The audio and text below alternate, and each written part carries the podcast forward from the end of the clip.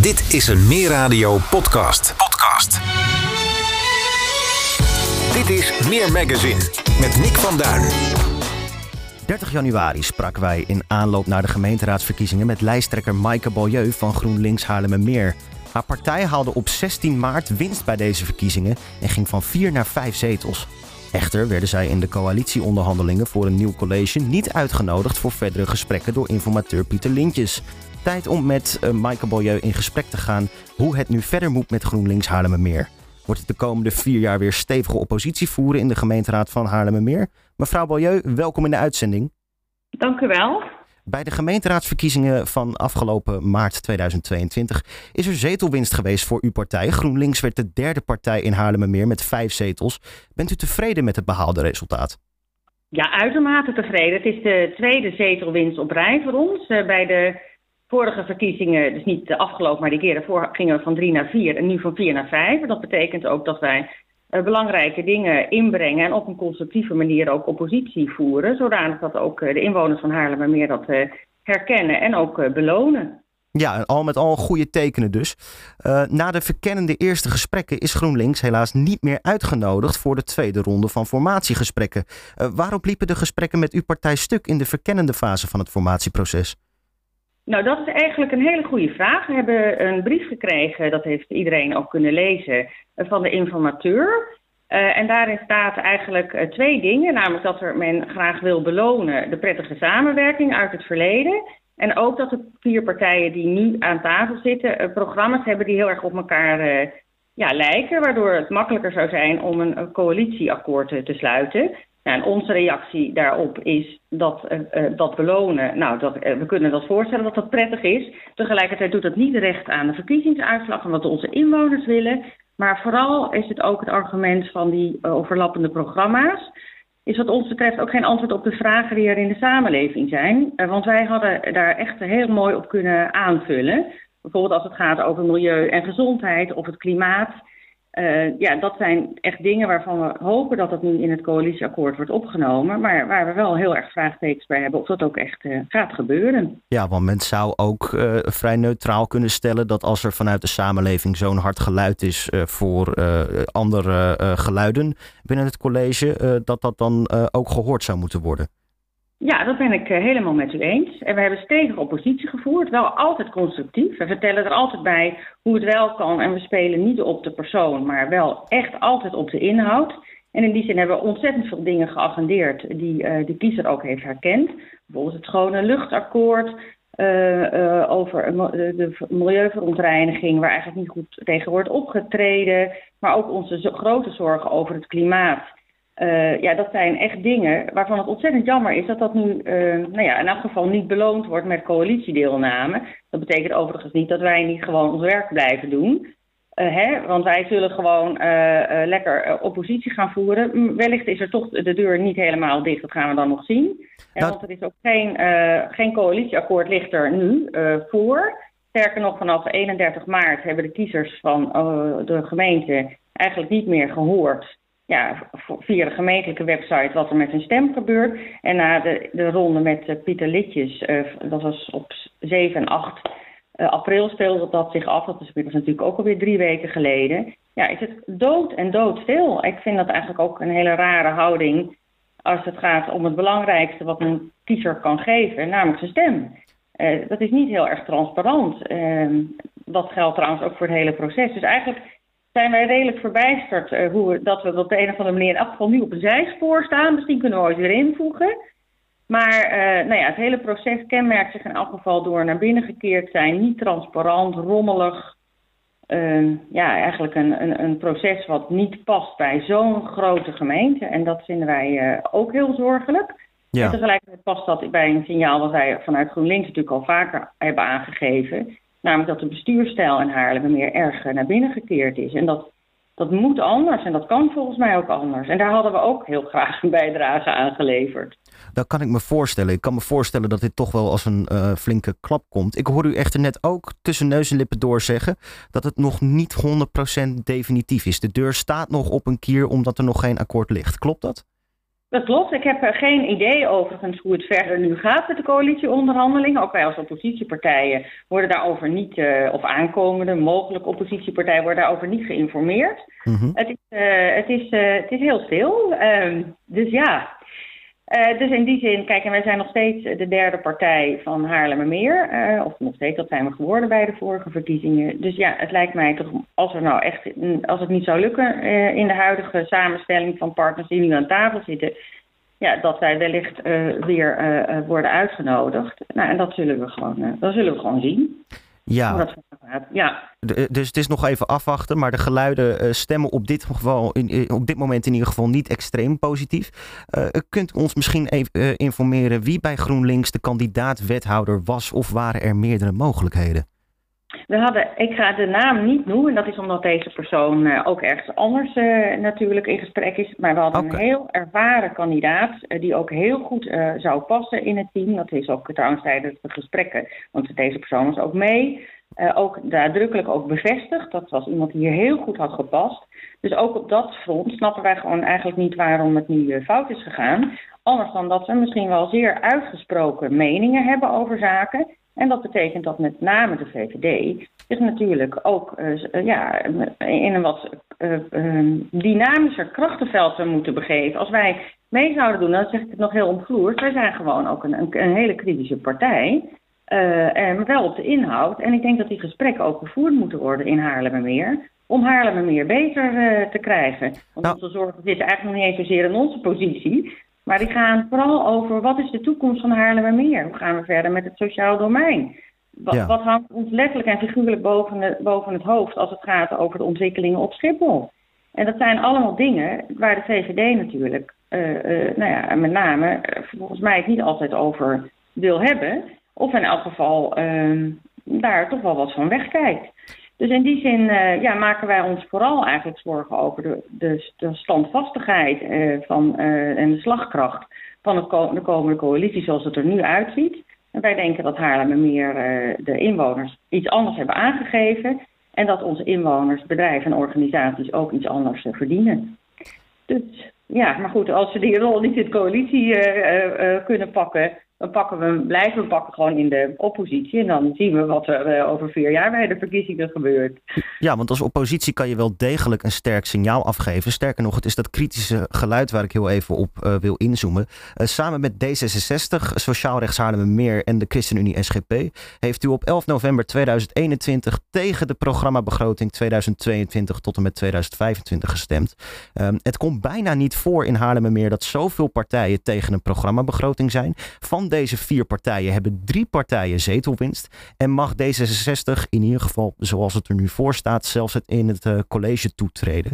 Um, betekent dat dat je toch wel degelijk uh, uh, sterke en krachtige slagen kan maken als oppositie in deze gemeente?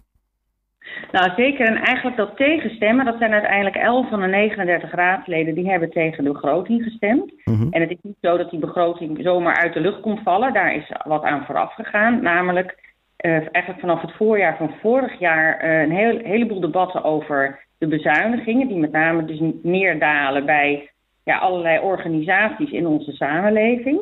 En daar zijn wij, uh, moest gewoon bezuinigd worden, die 15 miljoen, dat geloven wij ook best. Maar je had ook op een andere manier dat kunnen insteken. Bij de algemene beschouwingen hebben we toen samen met D66 een tegenbegroting gemaakt. Een hele gedegen tegenbegroting waarin we hebben laten zien dat het ook anders kan. Dat is wat ik bedoel met constructief. Ja. En dat je laat ook zien uh, wat een alternatief is. Nou, daar is helemaal niet over gesproken.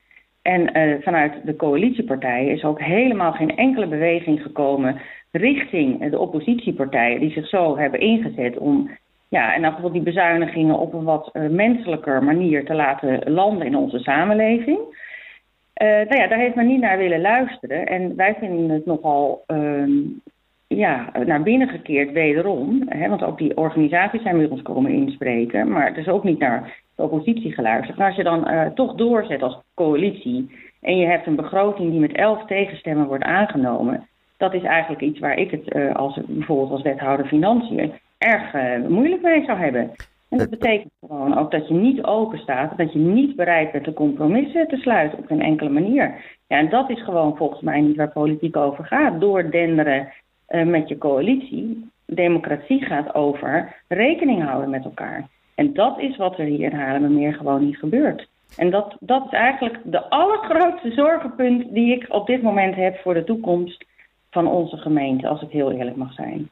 Dat kan ik me voorstellen, want als ik het goed interpreteer, eh, zegt u dus eigenlijk dat, je, uh, dat u als oppositie wel uh, sterk geluid kan laten horen, maar dat dat geluid niet altijd gehoord wordt door het college in dit geval. Nou, gehoord wordt. Volgens mij is het al gehoord, maar men heeft gewoon besloten om er helemaal niks mee te doen. Ah. Kijk, en als je dan doordent als een soort tank en je gaat gewoon op deze manier richting een begroting en je legt die ook voor, zonder dat er ook maar letterlijk één, één puntje is wat uh, de oppositiepartijen had kunnen bekoren. Uh, ja, dan, dan vind ik eigenlijk dat je gewoon geen recht doet aan de gedachte van dualisme. En mhm. geen recht doet aan de gedachte van de democratie zoals wij die in Nederland uh, ja, kennen. En ook, ook uitvoeren. Namelijk dat, dat je de meerderheid besluit, rekening houdend met de belangen van ook kleinere groepen, bijvoorbeeld in dit geval van de oppositie, maar wij vertolkten de stem van heel veel inwoners. En dat hebben we, uh, denk ik, in het stemhokje terug mogen zien. Ja. En alleen nu gaan we gewoon klaarblijkelijk in Haarlemmermeer op deze manier toch voor. Dus we gaan het zien. Maar wij zullen, uh, ik ben altijd een optimistisch mens, dus wij gaan gewoon, uh, wij gaan gewoon door. Nou, dat optim... dat de, de, de deuken die we in de pakjes boter kunnen slaan wel effect gaan hebben de komende tijd. Ja, eh, eh, dat optimisme dat is ook wel uh, terecht, denk ik. Want we constateerden in het begin van het gesprek al dat GroenLinks nu voor de tweede verkiezingen op rij een zetelwinst behaalt. de rol van politiek leider heeft u wat dat betreft de afgelopen jaren met zeer veel succes vervuld. Wat gaat u doen om GroenLinks de grootste partij in de gemeente Haarlemmermeer te laten worden bij de komende gemeenteraadsverkiezingen? Daar zoomen we al even heel stuk uit over vier jaar. Nou, wij, wij gaan gewoon door met ons werk. We hebben inmiddels natuurlijk vijf raadsleden en ook twee uh, fractieassistenten. Dus we zijn echt een grote fractie. Mm um, en uiteraard, wat ik zelf wel heel belangrijk vind, is dat je ook uh, oog hebt voor de toekomst. En ik vind ook dat je op een gegeven moment ook als politiek leider gewoon ruimte moet maken voor andere mensen. Dus dat ga ik ook, uh, ook gewoon doen. Dat zijn dingen die, die we ook bespreken in de fractie. En dan moeten ook de, ja, ook de nieuwe mensen. We hebben ook een flinke verjongingsslag geslagen met de fractie. Daar ben ik ook heel trots op. En dat moet ook, hè, want uh, wij, pleiten uit, vanuit GroenLinks altijd voor diversiteit. En dan moet je niet allemaal, zoals in de vorige fractie, boven de 50 zijn. Daar ben ik heel erg blij mee. Uh, dus ja, we gaan gewoon, uh, we gaan gewoon werken aan, een, aan een stevige en krachtige fractie. Die gewoon op, de, ja, op constructieve wijze ja, de maatschappelijke vraagstukken in onze gemeente gewoon uh, bij de kop uh, pakt. Ja, en, en ik hoop gewoon dat de kiezer dat ook, ook blijft zien. En ik hoor, ja, en we staan ook altijd open voor signalen en dat blijven we ook gewoon doen. En we blijven ook constructief en optimistisch, want je kunt nog wel wat bereiken. Het is alleen fijner als je dat in een coalitieakkoord, dan, dan maak je toch grote beslagen en je zit gewoon echt aan tafel. En dat had ik eigenlijk eh, de gemeente gewoon gegund dat GroenLinks uh, ook nu echt aan tafel zou uh, gaan zitten. Maar goed, we blijven gewoon lekker doorgaan. Dat kan ik me voorstellen. Ja, ik, ik, we zoomen als laatst nog heel even uit. Want uh, u gaat dan waarschijnlijk de komende vier jaar oppositie voeren. En dan is het altijd uh, verstandig en ook prettig om goede samenwerkingspartners te hebben. Er is op landelijk niveau op dit moment heel veel uh, sprake van een sterk samenwerkingsverband tussen de PVDA en GroenLinks. zit dat er in deze gemeente ook in? Nou, uiteindelijk, uh, je moet altijd strategische allianties zoeken als je gewoon politiek actief bent. Tenminste, dat vind ik. Mm En dat betekent dus voor de PvdA. Wij hebben heel veel uh, kernwaarden gemeen en dossiers waar wij ons echt samen druk over maken. Uh, ik weet niet hoe het afloopt, maar als de PvdA ook in de oppositie zit, daar heb ik ook al een gesprek over gehad. Ja, dan gaan we natuurlijk gewoon heel goed zoeken hoe kunnen we elkaar op die, die agendapunten goed versterken. En dat geluid gewoon luider laten klinken. Uh, en dat doe je toch door, je, ja, door echt elkaar op te zoeken op die dossiers. Maar op andere onderwerpen kan het ook met andere fracties zijn. En, uh, en ik hoop eigenlijk dat we ook strategische allianties kunnen sluiten met het coalitieakkoord. met, met de coalitiepartijen, omdat ehm, ja, ik denk dat, dat, dat het de huidige coalitie zou sieren. En dat het ook goed zou zijn als je het hebt over bestuurlijke vernieuwing. En een stuk opener en transparanter zijn. als ook een coalitieakkoord niet zo is dat iedereen strak in het gelid staat als je een coalitiepartij bent. Ja. Maar dat er ook gewoon ruimte is om dingen uit te diepen en compromissen te sluiten. ehm, Om het eh, kort door de bocht te zeggen, de invloed aan tafel toch soort van eh, eh, verzilveren. Of in ieder geval... eh, Nou ja, zeker. Kijk, en, en het een, eh, eh, met D66 hebben we ontzettend goed samengewerkt. En over die bestuurlijke vernieuwing en transparantie, daar zit ook helemaal geen verschil in tussen hoe wij dat zouden willen invullen en D66. Dus in die zin heb ik ook mijn hoop gevestigd op D66 als potentiële coalitiepartij. Dat zij gewoon ook zorgen dat dat coalitieakkoord niet zodanig is dichtgetimmerd. Eh, ja, dat er eigenlijk, nou ja, dat, dat we eigenlijk de komende vier jaar eh, eh, voor de sier zitten te vergaderen. Nee, maar dat er ook echt gewoon politieke gesprekken gevoerd kunnen worden. Maar ook gewoon, eh, nou ja, wat ik ook zei over wat voor mij democratie is. namelijk ook rekening houden met elkaar, dat die ruimte er ook is. Dus Ja. dat is bij spreken ook eigenlijk meteen wel een oproep, ook aan de onderhandelende partijen op dit moment. Waarbij ik met name het vertrouwen heb dat eh, D66 dat goed zal oppakken. En ja, ik ben gewoon ontzettend benieuwd wat er bekokstoofd wordt eh, en wat we binnenkort te horen krijgen. En of wij al dan niet opnieuw aan tafel komen. Dat kan ik me voorstellen. We moeten hem helaas gaan afsluiten, want we zitten een klein beetje met de tijdnood. Tot slot, als luisteraars vragen hebben aan u of uw partij, waar kunnen zij dan het best terecht? Nou, we hebben een uitgebreide website, groenlinks.haarlemmermeer.nl. En we zijn ook bereikbaar op alle social media kanalen. En via de gemeentelijke website zijn ook alle individuele fractieleden eh, te benaderen. Van bijna iedereen staat ook bijvoorbeeld een telefoonnummer op de site. Dus volgens mij moet dat eh, lukken en wij eh, staan daar ook zeer voor open. Ik denk het wel. GroenLinks.haarlemmermeer.nl Mevrouw Baljeu, fractievoorzitter van GroenLinks Haarlemmermeer. Hartelijk dank voor dit gesprek.